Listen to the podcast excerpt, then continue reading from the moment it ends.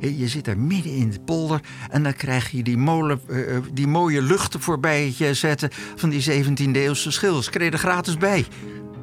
Wat wil je nog meer? De molen, het symbool van Nederland. Hij ziet er mooi en sfeervol uit op foto's en schilderijen. Maar er is meer. Zonder molens was Nederland er misschien wel helemaal niet geweest.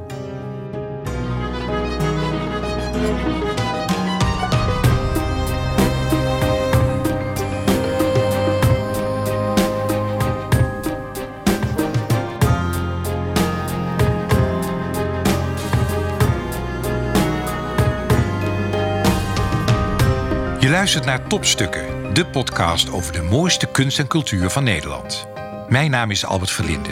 In elke aflevering praat ik met een expert van een museum of een andere culturele instelling in Nederland en stel ik de vraag: wat is jouw persoonlijke topstuk?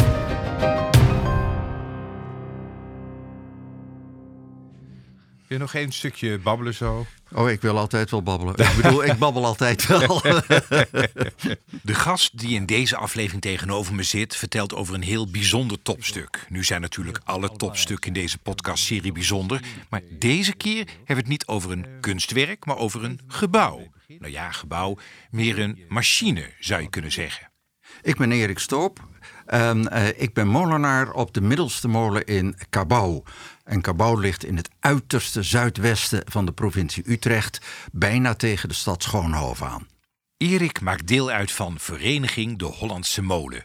Die zorgt voor het draaiend houden van de wind- en watermolens van Nederland.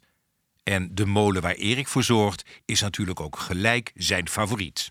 Dat is gelijk dan het topstuk. Ja, ja, vind ik wel. Ik zit er pas 30 jaar en ik vind het nog steeds een topstuk. Het is een poldermolen. Dat betekent dus dat hij het water moet omhoog malen. Want zonder poldermolens zouden we in een groot deel van Nederland natte voeten hebben. Sterker, ik ben bang dat je dan zeven dagen per week, 24 uur per dag moet gaan zwemmen. En daar zijn we niet op ingericht.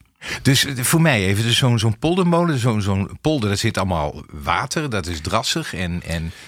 Nou, drassig is het niet, want tegenwoordig lopen de koeien daar natuurlijk. Maar het is zo dat dat deel van Nederland beneden de zeespiegel ligt. En alle regen die naar, eh, naar beneden komt uh, vallen, die moet ergens blijven. Die loopt wel van de weilanden de sloten in. Maar ja, die sloten lopen over als er niet gemalen wordt. En vroeger gebeurde het natuurlijk uh, heel vroeger, zelfs met de hand. Voordat de, de poldermolen tot ontwikkeling was gekomen. Daarna gebeurde het op windkracht en tegenwoordig uiteraard alles mechanisch. Maar waar, ja, ik, ben, ik ben echt een, een leek in die dingen. Waar blijft dat water dan? Je maalt? Je maalt. Het wordt eh, in mijn geval een meter omhoog uh, gemalen. En dan stroomt het naar, uh, in, in ons geval, naar een aantal molens toe... die het water van verschillende polders verzamelt. En dan komt het in de Hollandse IJssel. En dan zit het hoog genoeg om gewoon naar de zee af te vloeien. Daar verdampt het weer, het komt als regen terug en we hebben op die manier een lekker circuit. Zo blijven we altijd bezig. Dan begin je van vooraf aan. Hoe, hoe lang ligt zo'n systeem er al? Nou, de, de, polders in dat deel van Nederland zijn eigenlijk tot ontwikkeling gekomen rond het jaar uh, uh, 1100. Daarvoor was het allemaal uh, moerassig land met elzenbosjes en dergelijke.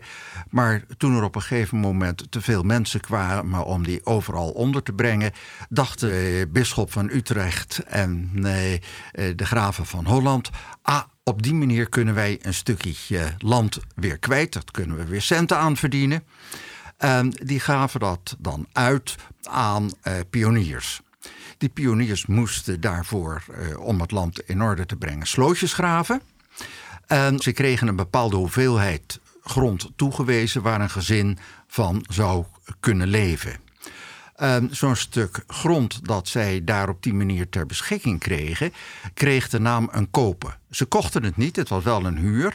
Maar het leuke is dat je dat in heel veel plaatsnamen nog terugvindt. Denk aan eh, Boskoop, eh, Nieuwkoop. Oh. Zulke soort plaatsen die op kop of koop eindigen. Dat komt van dat systeem dat rond 1100 uh, begonnen is. Dus eigenlijk Nieuwkopen, Boskopen is het eigenlijk dan? Ja. Wat ja. een leerzaam verhaal, nu al. uh, dus dat, dat, dat malen hebben we dan, die polders, de kopen. De kabouw, deze molen, hoe oud is die? Uh, deze is van 1773. Volgend jaar gaan we een groot feest vieren, 250 jaar een molen. Maar het is de derde molen op die plek. De eerste molen op die plek is gebouwd in 1454. Die is eind 16e eeuw afgebroken, want hij werd te oud en gammel. Hij moest bovendien door een wat groter exemplaar uh, vervangen worden. Dat tweede exemplaar is in 1772 afgebrand. Eind 1772, of zelfs helemaal 30 december, is de nieuwe molen zoals die er nu staat aanbesteed. En het leuke is dat in het bestek staat dat de molen op 1 april daaraan volgend hmm. maalvaardig moest eh, zijn opgeleverd. Betekent dus dat die molen in drie maanden tijd gebouwd is. Zo. En er nu nog volledig staat en volledig werkzaam is. En dan neem je je petje tot diep vooraf, zonder grote machines, alles met de hand. Zo, 250 jaar. Ja, en, en jij bent geen 250. Eh, wat, wat, wat is je leeftijd? Uh, ik ben pas 79. Maar dat is een kalenderleeftijd. Dat is niet uh, mijn gevoelsleeftijd. Die is een stuk lager. Een stuk lager. Erik heeft al van jongs af aan een liefde voor molens. Toen hij iets ouder werd, ging hij molens fotograferen. En op die manier kwam hij in contact met een echtpaar dat in een molen woonde. Toen die molen grondig gerestaureerd moest worden, legde Erik het proces stap voor stap vast. En hoe meer tijd hij in deze voor hem magische wereld doorbracht, hoe groter zijn liefde voor molens werd. Erik werkte in de farmaceutische industrie, maar als veertiger besloot hij ook vrijwillig molenaar te worden. In het begin was het vooral de techniek die me ontzettend interesseerde. En dat interesseert me nog uh, steeds. Maar een van de hele belangrijke dingen is de natuur, het weer. Daar moet je van tevoren rekening mee houden als je met die molen bezig bent. Uh, dat fascineert me. En wat mij eigenlijk de laatste jaren nog het meest fascineert, is de mensen. Want de mensen kan niet zonder die molen, want dan krijgen we natte voeten. Maar die molen kan ook niet zonder mensen. Hmm. En dat maakt de leuke wisselwerking. We hebben net uh, Nationale Molendag achter de rug. En het leukste is dat je van allerlei mensen hoort. Nooit geweten dat dit zo interessant was. Ja, dat heb ik nu al. Ik dacht, wat is dat eigenlijk? Ja, ik ga naar een molen toe, het hoort erbij. En dat is eigenlijk een van de problemen in Nederland. De molen hoort erbij. Maar je merkt gewoon dat een zeer groot percentage Nederlanders nog nooit in een molen is geweest. Nee. En ook eigenlijk niet weet wat ze doen natuurlijk. Nee. Hoe ben je ooit met de kabouw in contact gekomen? Hoe gaat dat? Hoe, hoe ontstaat de match tussen jullie? Uh, nou, in dit geval is het zo dat uh, de Kabouwse molen valt binnen Stichting de Utrechtse Molens. En ik kwam met de technische man in aanraking uh, van die club. En die zei op een gegeven moment: Erik, die molen daar komt vrij. Is dat wat voor jou?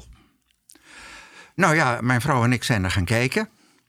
Zij was gelijk uh, dol enthousiast. Ik ietsje minder. Waardoor was ik iets minder enthousiast. Uh, twee dingen. Punt één, uh, ik heb toch redelijk wat hoogtevrees. En dat zou je niet verwachten. ik ben wel een heel eind vooruit gegaan hoor, dat wel. En ten tweede, de verantwoording die je krijgt bij zo'n molen. Zo'n molen stond toen in de boeken voor een miljoen gulden. En daar schrik je toch wel eventjes van. En tegenwoordig is het een miljoen euro. Ja, eh, vind ik dat nu nog belangrijk? Nee, het is belangrijk voor de stichting, want die moet die centen uh, op zien te hoesten. Voor mij is het, als er wat gebeurt, dan ben je je historische waarde kwijt. Juist, ja.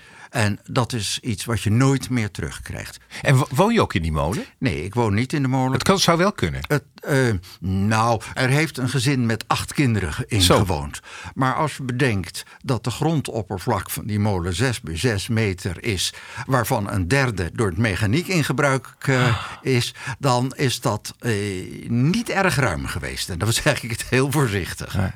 Je had het over hoogtevrees, maar je moet toch naar boven om die zeilen over die wiekje heen te dat hangen moet. of zo? En ja, dat is op zich wel grappig. Toen ik in het begin bij die molen was en ik moest omhoog, dan had ik daar echt wel uh, wat angst bij. En iedere keer als de wieken op een andere windrichting uh, stonden, dan had ik dat weer. Nou, klaarblijkelijk heb ik alle windrichtingen gehad, want ik heb er nu geen problemen meer, eh, meer mee. Want ja, je moet dus zo'n bovenstuk van de molen kunnen draaien, want de molen moet de wind van voren krijgen. Als molenaar krijg ik dus de wind graag van voren. Wil je eens de Kabouwse molen omschrijven? Ik kom aan, hoe ziet hij eruit? Eh, het is zo dat de onderkant is piramidevormig, dat is het woonhuis. En daarop staat een vierkant eh, eh, gebouw.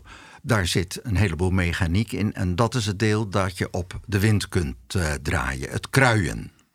En dan zit er aan de buitenkant een scheprad. En dat is het deel waarmee het water daadwerkelijk omhoog gepompt wordt. En dan kan je denken van ja, hoeveel kan die molen nou aan water verzetten? Heel veel.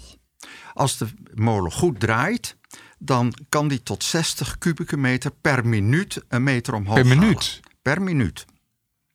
Om dat te vergelijken, wij gebruiken per jaar 70 kub drinkwater. Zo. Dus het is een ongelofelijke hoeveelheid. Het is echt spectaculair. Ik kan iedereen aanraden. Kom bij zo'n molen langs als het flink waait. Het kraakt dan lekker, het beweegt allemaal. Heel veel mensen die als ze mee naar boven gaan ineens zeggen... het beweegt. Ja, gelukkig wel. Als het niet beweegt, dan breekt het. Dus, eh, Maar het gebouw beweegt ook een beetje mee, niet alleen de wieken. dat, het hele bovenhuis, dat, dat, eh, ja, dat staat te schudden. Ik vind wel, voor iemand met hoogtevrees heb je nu een, een- een bijzonder beroep uitgekozen. Eh, ja,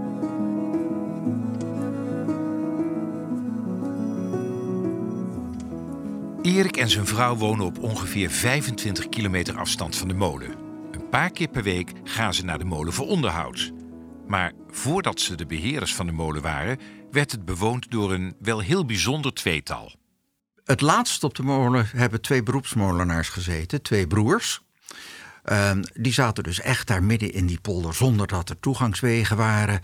En ja, daar zijn hele mooie verhalen over te eh, vertellen. Het waren twee broers die niet met elkaar konden, maar ook niet buiten elkaar. En toen wij daar eh, de eerste keren kwamen, lagen er in de vensterbanken grote eh, stapels bloknotes. Waarbij ik me afgevraagd heb, waar hebben deze mannen dat voor nodig?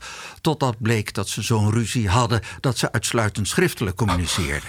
En die wonen met, z'n- met z'n tweeën in die Die molen. wonen met z'n tweeën naast de molen in een apart huisje. Ja, nou, tegenwoordig hoeft dat niet meer. Pak je gewoon je WhatsApp. Ja, een bijzonder stel, die twee. Ja, absoluut. Wa- Wat kun je me uitleggen hoe dat fysiek gaat? Zo'n molen ja, klaarmaken om te gaan draaien. Wat dat van je vraagt en wat, wat je moet doen. Ehm, het eerste waar je naar moet kijken als je aankomt is waar komt de wind vandaan. En als die niet komt uit de richting waarop eh, de wieken gericht zijn, dan moet je gaan kruien. Dat gebeurt met beenkracht. En dat hele bovenhuis, heb ik me laten vertellen, want ik kan het zelf niet wegen, dat weegt rond de 45 ton. Maar wat, sorry, wat kruien, wat is dat dan? Het kruien is op de wind zetten. van, van de molen, die draai je dan dat een hele beetje bij. bovenhuis dat kan, eh, staat op die ondertoren. Oh, dus de- oh, dat heb ik nooit kan- geweten. En dat Ah. kan dus draaien. Bij de meeste molens die je ziet, is het alleen dat bovenstuk waar de wieken in zitten. Maar ook dat weegt nog altijd een heleboel. Maar eh, in het ergste geval dat je de molen 180 graden moet eh, draaien, omdat de wind net helemaal vanaf de andere kant komt. Was ik vroeger een, eh, een half uur bezig, tegenwoordig drie kwartier. En ik vind als, als dat gebeurd is, dat ik dan daarna mijn koffie met koek verdiend heb. Vanuit de koffiemolen. Zoiets dergelijks, ja. ja, D- Dat kruien en die beenkracht, hoe moet ik dat dan zien? Lig je dan op je, op je zij te trappen? Hoe, hoe, hoe Nee, gaat nee, nee. Je, eh, er zit aan een, eh, de, eh, de molen bij mij aan dat bovenhuis een grote trap. En daar sta- zit onderaan een groot wiel aan. Daar zit een ketting om de as gewikkeld, een stukje. En die ketting die ligt dan weer vast aan een paal, een kruipaal.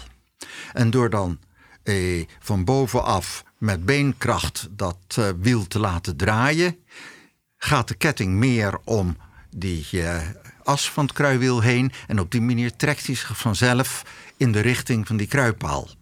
En als dan de ketting helemaal om die as zit, dan moet je hem weer uitrollen naar de volgende kruipaal. En Kun je zo- je voorstellen, ik denk, waar begin je aan? Ik zie jou ineens daar op dat, op dat dak zitten. Met je benen, dat Eh, wiel ja. wat stevig is. Dat is hard werken. Ja. Maar je Eh, hebt nooit gedacht, waarom doe ik dit? Eh, omdat ik gek ben. Heerlijk. Ik ben op de goede manier gek wat dat betreft. En dat hoop ik voorlopig zo te houden. Ik, ik, dat beeld neem ik wel mee naar huis hoor. Ja, is goed. Dat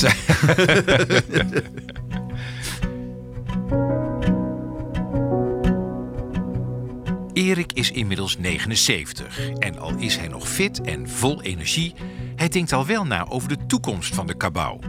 Omdat hij het belangrijk vindt dat dit erfgoed bewaard blijft, leidt hij nieuwe molenaars op. Jonger dan hij zelf, maar niet per se piepjong. Het zijn over het algemeen mensen die al wat ouder zijn, die beginnen. Ik ben zelf relatief vroeg begonnen, maar heel veel mensen die begonnen toch nog toe als ze in de fut kwamen. Betekent met een jaar of 62 begonnen ze, waren ze op 64 klaar. En het beroep is toch wel zo zwaar dat heel veel mensen rond de 75 stoppen. Betekent dat ze 10 jaar actief kunnen zijn als molenaar. Nu is het zo dat mensen pas met 67 kunnen beginnen. Dan zijn je krachten al wat minder. Heb je goede kans dat het drie jaar duurt, dus dat ze op hun 70ste pas klaar zijn. Dus je kan nagaan hoeveel mensen we nodig hebben om die molens daadwerkelijk uh, draaiende te houden. Je mag komen kijken, maar zo'n poldermolen die staat natuurlijk niet op een terrein dat ik denk ik loop er even naartoe. Uh. Nee, nee, de molen van, uh, ik noem het altijd mijn molen. Is Jouw het molen, niet, maar ja. het is mijn molen. Die staat op hemelsbreed 800 meter van het dichtstbijzijnde bewoonde huis. Nou ja, waar heb je die ruimte nog in het land? We hebben tegenwoordig de afgelopen tien jaar een eigen toegangsweg gekregen. En daar kunnen de mensen lopend eh, naartoe komen. Het leuke is, dat heb ik eh, van de week ook weer gehoord van mensen. Ja, dan sta je aan de dijk en dan denk je, ach, dat molentje. En dan kom je dichterbij en dan wordt die groter en groter. En dan staan ze eronder. En dan is het toch van, allemachtig, het is toch wel een heel erg groot ding. En niet alleen een groot ding, ook een nuttig ding. Want stel je eens voor hoe ons land eruit zou zien als er niet genoeg poldermolenaars meer zijn.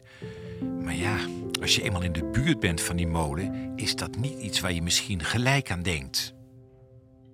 Je zit daar midden in de polder en dan krijg je die, molen, uh, die mooie luchten voorbij je zetten van die 17e eeuwse schilders. Kreeg er gratis bij. Wat wil je nog meer? Nou ja, ik wil graag iedereen uitnodigen om uh, te komen kijken. Niet allemaal tegelijkertijd bij mij, maar verdeel het over het, uh, het land. Bij iedereen in de buurt is een mooie molen. En dan als laatste een tip. Als je een molen ziet draaien, betekent dat meestal dat bezoekers welkom zijn. Je luisterde naar Erik Stoop van Vereniging De Hollandse Molen, beheerder van de molen De Kabouw. En dit was Topstukken, aangeboden door de Vriendenloterij, de cultuurloterij van Nederland.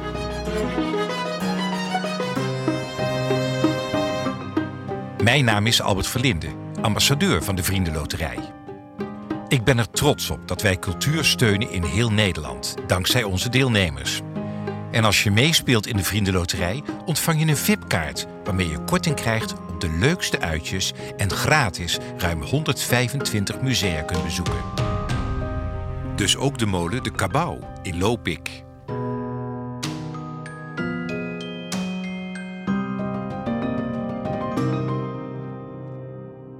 Benieuwd naar meer mooie verhalen? Abonneer je dan gratis op Topstukken in je favoriete podcast-app of ga naar topstukkendepodcast.nl.